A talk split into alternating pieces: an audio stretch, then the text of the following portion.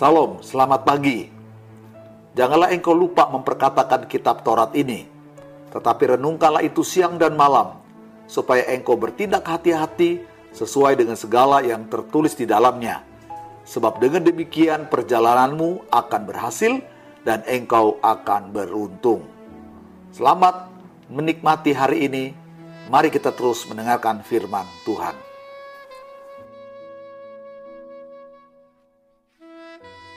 Shalom para pendengar setiap podcast Jumpa lagi bersama saya Robi Handoko dalam acara kesayangan kita Renungan Pagi di podcast Anda hari ini Apa kabar semuanya? Saya percaya bahwa saudara semua dalam keadaan yang luar biasa diberkati Tuhan pada pagi hari ini dan selalu berada dalam perlindungan Tuhan. Amin saudara. Tetap semangat pada pagi hari ini di mana pun Anda berada hari ini. Para pendengar podcast, hari ini saya akan beri tema renungan pada hari ini adalah perbesar kapasitas. Banyak orang yang tidak mau untuk memperbesar kapasitasnya karena takut. Ketika kapasitas makin besar, tanggung jawab makin besar. Dalam Lukas 16 ayat 10 berkata, Barang siapa setia dalam perkara-perkara kecil, ia setia juga di dalam perkara-perkara yang besar. Dan barang siapa tidak benar dalam perkara-perkara kecil, ia tidak benar juga dalam perkara-perkara besar. Dengan tanggung jawab yang lebih besar, saudara, berkat juga akan besar yang akan kita terima. Kita akan melihat karya Tuhan yang semakin besar di dalam hidup kita. Makin hari kita makin lihat kenyataan Tuhan dalam hidup kita semakin nyata. Banyak orang tidak menyadari hidup ini semakin bisa diperbesar. Seperti contoh sebuah karet gelang, saudara. Anda tahu karet gelang?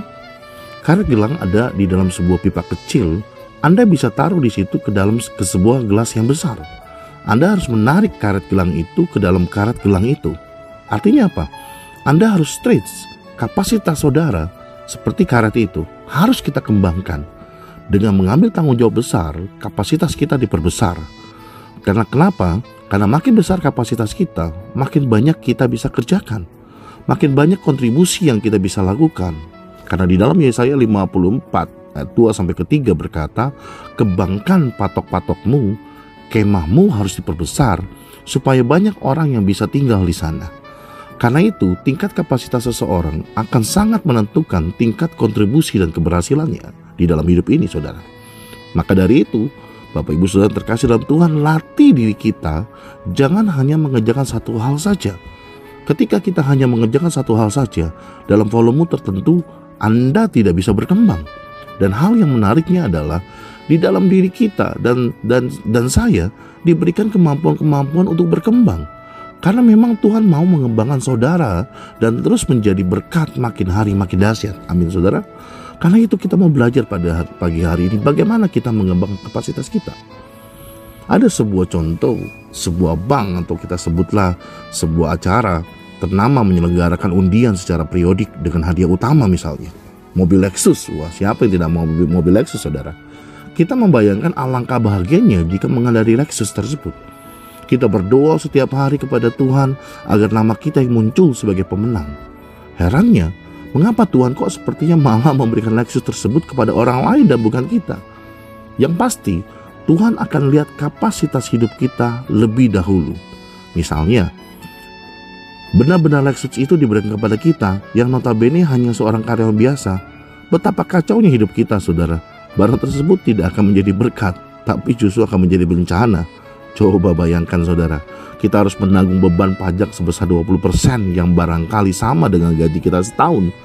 Saat mobil harus diservis dan penggantian suku cadang secara rutin, kita harus membayar sebanding gaji kita 3 bulan. Saat pajak mobil habis dan harus diperbarui, kita harus rela mengorbankan pemenuhan kebutuhan keluarga demi mobil tersebut. Sebagai karyawan biasa, benarkah kita mau memenangkan Lexus, saudara? Nah ini yang menjadi pertanyaan besar buat kita.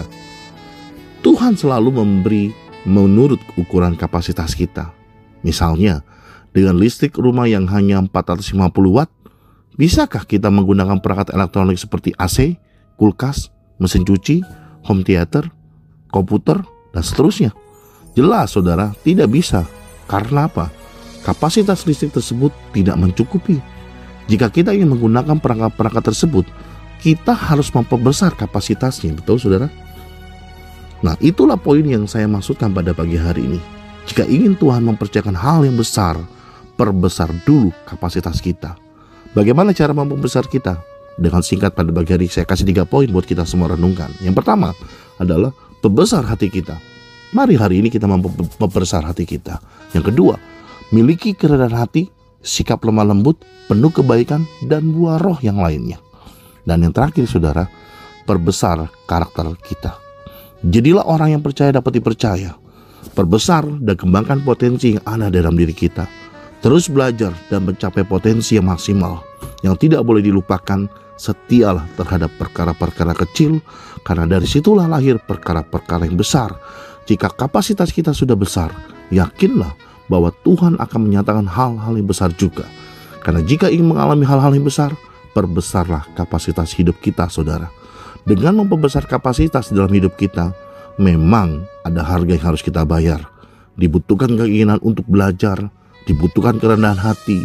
Dari sana kita dapat belajar bagaimana kapasitas kita semakin diperbesar.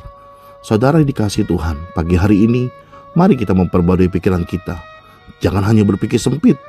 Ada banyak orang berkata, ngapain saya belajar itu lagi? Saya rasa saya sudah cukup.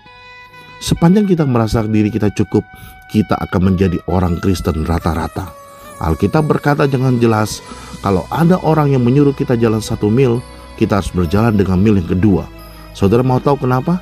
Karena semua orang berjalan di jalan yang sama di satu mil. Dan karena semua orang berjalan yang sama di satu mil ini, ini menjadi crowded, menjadi rame. Kita menjadi orang yang gak kelihatan karena crowded dan rame saudara. Tapi bila mana kita menempuh pada mil yang kedua, nggak semua orang suka di situlah Anda menjadi the rising star. Kita menjadi kelihatan, kita menjadi berbeda dengan yang lain. Pada pagi hari ini saya percaya Anda adalah the rising stars tersebut yang Tuhan angkat di masa pandemik ini. Dengan cara perbesar hati kita, miliki kerendahan hati, dan perbesar karakter kita. Saatnya bukan menjadi orang biasa-biasa saja, tapi jadilah orang yang di atas rata-rata. Tuhan Yesus memberkati. Sampai jumpa di renungan-renungan podcast dari hamba-hamba Tuhan yang lain. Selamat pagi dan never, never give up. God bless you all.